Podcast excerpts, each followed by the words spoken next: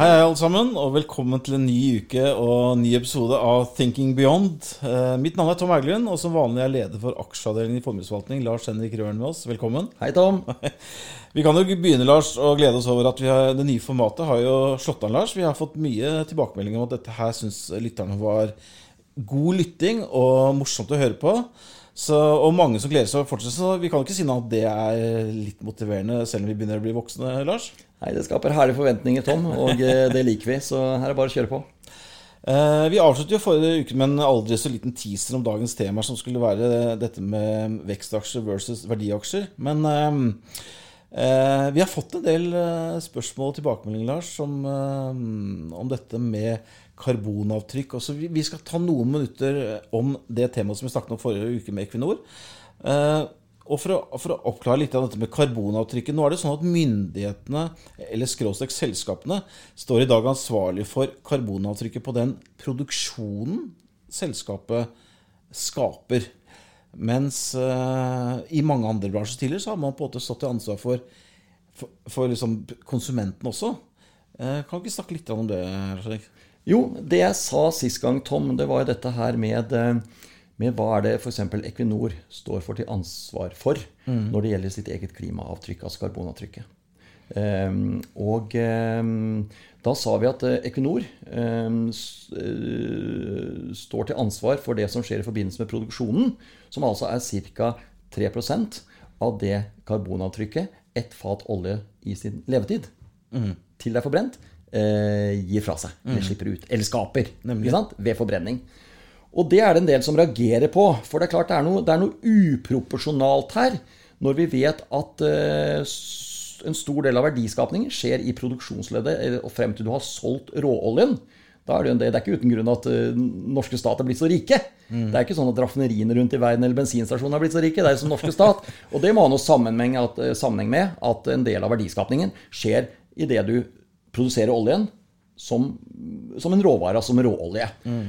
Og da kan man stille spørsmålstegn ved er det riktig da at man bare er, står til ansvar for ca. 3% av CO2-avtrykket som det fatet skaper. Mm. Jeg sa jo sist gang at ved forbrenning så skapes det ca. 350 kg CO2. ikke sant? Eh, mens, eh, mens eh, f.eks. Equinor bare står til ansvar for ca. 9 kg per fat. For det er det som egentlig er karbonavtrykket i forbindelse med selve produksjonen. Mm. Altså så, så liksom her, her, ser det liksom 3% mens en stor del av den økonomiske verdiskapningen skjer egentlig når du produserer oljen, mm. og ikke videre ned i verdikjeden. Mm. Og Her er det noe uproporsjonalt som noen reagerer på. Jeg tror det vil komme noen endringer her sånn at både oljeselskapene, IMP-selskapene, de som produserer der, men også Norge som stat, må ta en større andel av dette avtrykket.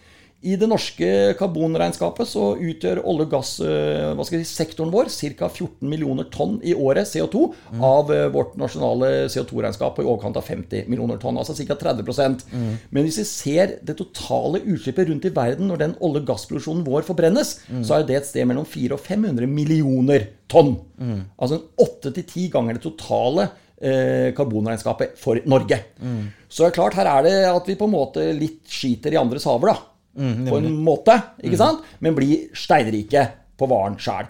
Og det minner meg litt om hva som skjedde med, nei, med tobakksselskapene for en 20 års tid siden, når de fikk sine store bøter på selskapsnivå. Da ble jo tobakksselskapene tatt for at de produserte en vare med viten og vilje som hadde påført, kall det, menneskeheten skade, og fikk mm. store bøter.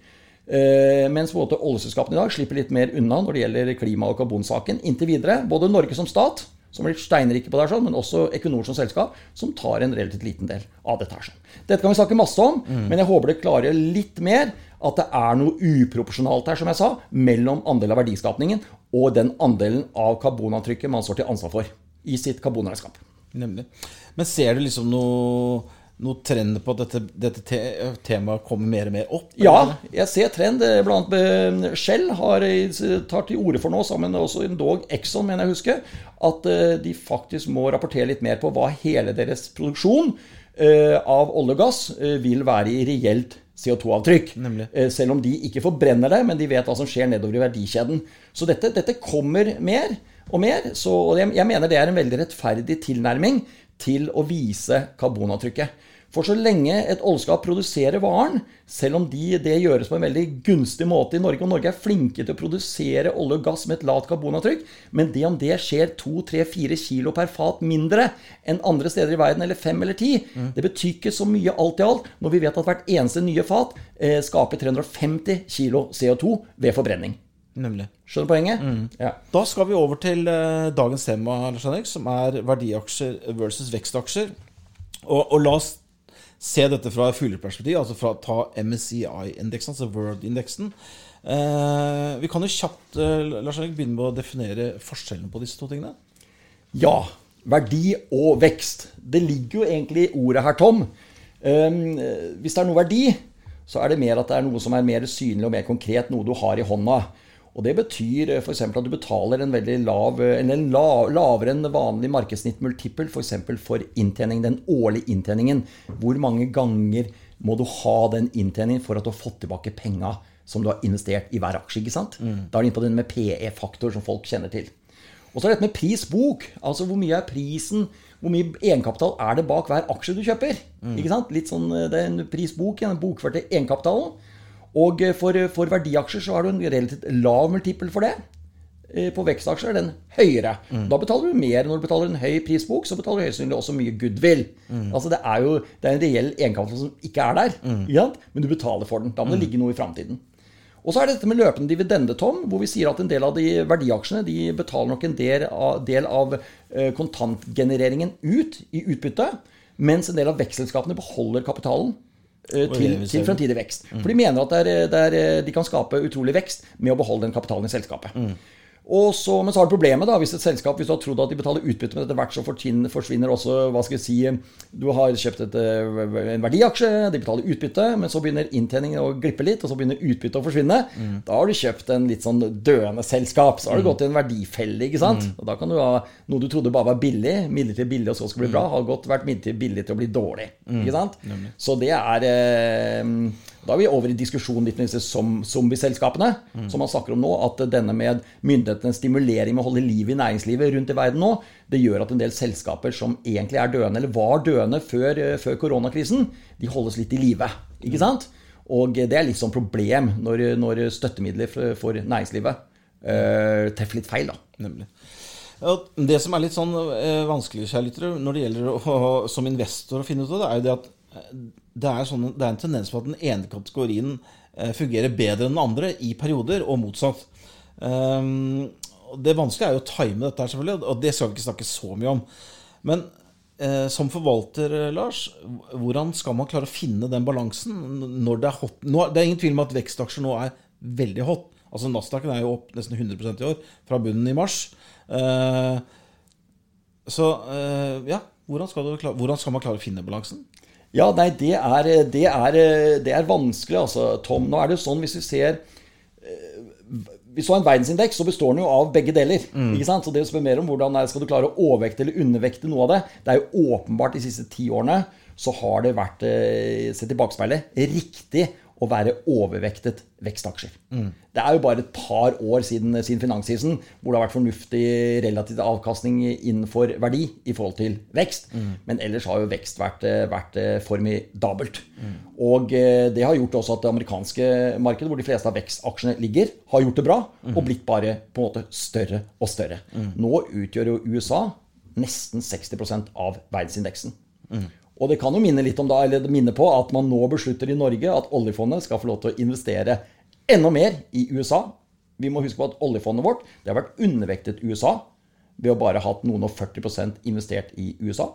Og man har overvektet Europa. Nå kom det stortingsmelding her nylig og der foreslås det at man skal få lov til å investere mer i USA på bekostning av Europa. Så overvekten i Europa skal reduseres, og eh, undervekten i USA skal eh, reduseres. Mm. Så man skal ha mer i USA. Så kan man stille spørsmålstegn hva om dette er god timing for våre, våre sparepenger. Mm. Ved at man nå etter ti års oppgang og ti års fantastisk utvikling for amerikanske aksjer og der veldig mye av disse veksttogene ligger, at nå skal oljefondet inn og øke investeringene der borte med rundt 400-500 milliarder kroner. Det er det det er snakk om, som skal mm. overflyttes fra Europa til USA. Er det riktig eller ikke? Når det gjelder vekstaksjer, vil jeg si at det er blitt en voldsom konsentrasjon. Én ting er at vekstaksjer har gjort det bra, Men vi ser at noen, noen vekstaksjer har, dominerer fullstendig. Og det er jo disse her eh, aksjene som har kommet opp de siste 20 årene. Hvis vi ser bort fra Microsoft, som er eldre enn det, så er det alle de andre aksjene har kommet siden slutten av 90-tallet. Med altså Facebook, som kom på tidlig 2000-tallet. Det er Amazon som kom på slutten av, av 90-tallet. Det er Google, eller Alphabet, på slutten av 90-tallet. Og, og, så var det Microsoft jeg nevnte. Og det er, dette her er altså modeller som, forretningsmodeller som har bare utviklet seg vanvittig.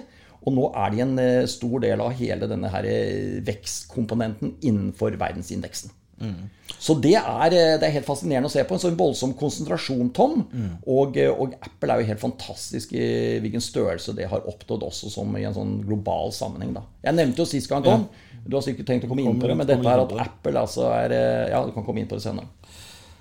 Uh, og så må i den der, Det er liksom den Fang og Famg altså, Det er Netflix ja. og Microsoft som driver byttes ut litt der. Men uh, vi kommer litt tilbake til dette med rett og slett nesten litt sånn ubalansen i hvor store de har blitt. Men um, la oss snakke litt om dette med hvilket klima i aksjemarkedet hvor den ene eller den andre er å foretrekke. da. Mm. Og Det er klart at uh, det, er ingen, det er jo ingen tvil om at det som skjedde nå i mars, hvor liksom sentralbankene globalt får panikk og, og sender renta eh, ja, globalt i minus og null, ja. det, det, skaper jo en litt ubalanse i akkurat dagens tema med verdi og vekst. Kan du ikke gå litt inn på det, Lars? Nei, Det er jo et formidabelt klima nå for, for vekstselskaper og eh, vekstfokuserte investorer. For det er klart, når, når, renta legger seg på null Jeg vil minne på nå at hvis vi ser på sentralbankrenten for G10, altså de ti største økonomiene, så har den falt fra å være pluss 0,5 før mars, og nå er den på minus ja, minus eh, fem basispunkter. Mm. Så altså rett i underkant av null. Og det, det sier jo litt om hva, hva, hva, prisen på penger er. Og det sier litt videre da om hva diskonteringsfaktoren er. For det er klart, desto lavere den risikofrie renten er, selv med da, da et, et, et, vanlig risikopåslag for de forskjellige aktivaklassene, så går diskonteringsfaktoren ned. Og Det betyr at du kan spille på Du finner altså verdien, nåtidsverdi, i pengestrømmer som ligger lenger og lenger bort i tid. Mm. Ikke sant? Mm. Og det betyr at dine, dine, dine, fortellinger, dine equity stories, kan bli mer og mer crazy, på en måte. Mm. Du trenger ikke å redegjøre for noe som ligger ett og to og tre år fram i tid. Du kan snakke om noen fantastiske muligheter som ligger fem og ti og 15 år fram i tid, mm. og allikevel klare diskonteringen din å skape det en verdi, da. Så nå når verden renner over av, av på en måte investorpenger eh, En del investorer er ordentlig i brunst ikke sant? etter ti års oppgang. Mm. Og eh, da er det kanskje at man blir litt eh, ukritisk noen ganger på hvilke, hvilke selskaper innenfor vekstkomponenten man kjøper. Mm. Og det kommer til å bli kostbart en dag, hvor mm. det kan vise seg at ikke alt vokser inn i himmelen tom. Nemlig. Det er jo ikke sånn at, eh, at veksttogene kan ha en uendelig høy vekst i forhold til f.eks. For økonomisk vekst i verden eller befolkningsvekst til evig tid. Iallfall ikke alle sammen. Ja, så det, kan, det, som kan stoppe det, her, Tom, det er at man får sånn ordentlig ørefiker ved at uh, vi ser noen uh, vekstaksjer, eller aksjer eller konseptaksjer som er priset som voldsom vekst langt fram i tid, uh, virkelig kollapser. Og vi må minne om vi har altså, Det er småaksjer i forhold, da, men liksom, vi skal bare syv år siden vi hadde en aksje som heter Det var en vekstaksje, en Klavis Pharma, da. Mm. Ikke sant? Som falt 90% en dag, fordi hele vekststoryen ble borte over natten. Mm. Ved at kreftmedisinene ikke i fase 3 viste seg ikke ha noe mer funksjonalitet eller effekt enn vanlig dagens, den dagens eller den tids kreftmedisiner.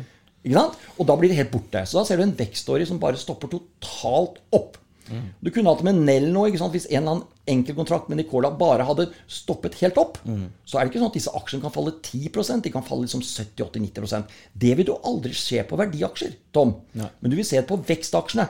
Så nå er det bare spørsmål om hvor lenge man tillar seg dette momentumet mm. holder på. Og hva er det som får det til å stoppe? Vi ser ikke helt hva som stopper i dag, men det kan være en eller annen skrekkelig hendelse hvor en eller annen stor sånn vekststory plutselig stopper voldsomt opp, og markedet får seg en tankevekker. Du, Tiden løper fra oss Lars Henrik, når vi har det så gøy som vi har det. Så da eh, har jeg tid til ett spørsmål til. Og, og, og det gjør at jeg, vi kommer ikke unna å snakke bitte litt om dette med hvor store Apple og, og, de, og disse Microsoft-selskapene har blitt. Liksom, du ga oss noen tall her forrige uke, men kan ikke utrede, snakke litt med det? Du sa jo i forrige uke at Apple alene er jo større enn en UK sin uh, aksje, aksje altså selskapet, hele børsen. Ja. Og samme Microsoft er større enn Frankrike. Hva gjør dette med maktforholdet og konkurransesituasjonen? Nei, det gjør, jo, det gjør jo enormt, Tom. Det er jo helt utenkelig hvis du bare går noen få år tilbake, at du har en enkeltaksje som ble større enn hele markedsverdien av de børsnoterte aksjene i UK. Ikke sant? Apple. Hvem skulle tro det for bare få år siden? Og dette skaper en voldsom konsentrasjon. Dette ser vi også i de største disse her equity traded funds, altså ETF-ene rundt i verden. Jeg har tatt frem ett eksempel med en stor en. Det er Invesco sin XXX Trust. Det er en ren sånn Nasdaq 100-ETF. Den er på 126 milliarder dollar. Og der ser vi at de syv største aksjene, og dette er disse FANG-aksjene, mm, pluss Microsoft eh, og kanskje en Tesla, de, er, de utgjør 50% av den ETF-en. Så det, er- det er liksom, dette er Nasdaq 100, men syv av aksjene utgjør 50% av verdien. Og det er, det er morsomt da, når vi ser Når jeg sa den var 126 milliarder dollar Det er jo halve verdien av Oslo Børs. ikke sant? Eller tre ganger, nesten tre ganger Equinor. På én ETF. Og denne finnes det mange av. Og den er bare rettet mot eh, Nasdaq 100. Men sist fredag så falt denne her voldsomt. Det var et uttak på 3,2 milliarder dollar, altså rundt en 30 milliarder kroner, ut. Og i går igjen, eller på mandag, så var det en voldsom inngang på over 4 milliarder dollar som kom inn igjen. Og dette er enorme utslag. Og da kan du tenke deg hvor mye, aksjer, hvor mye penger da som skal brukes på å kjøpe nettopp disse syv største for at denne ETF-en skal klare å på en måte tracke eller følge indeksen. Så ikke si at flyt ikke betyr noen ting.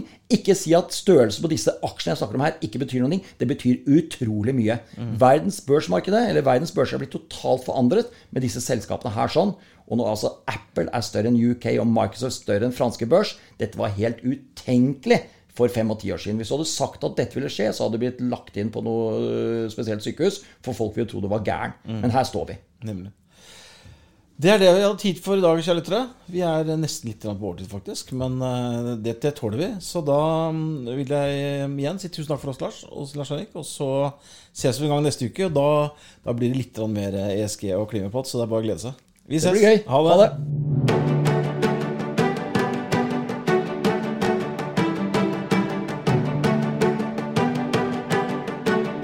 Du har hørt på Thinking Beyond, en podkast fra Formuesforvaltning.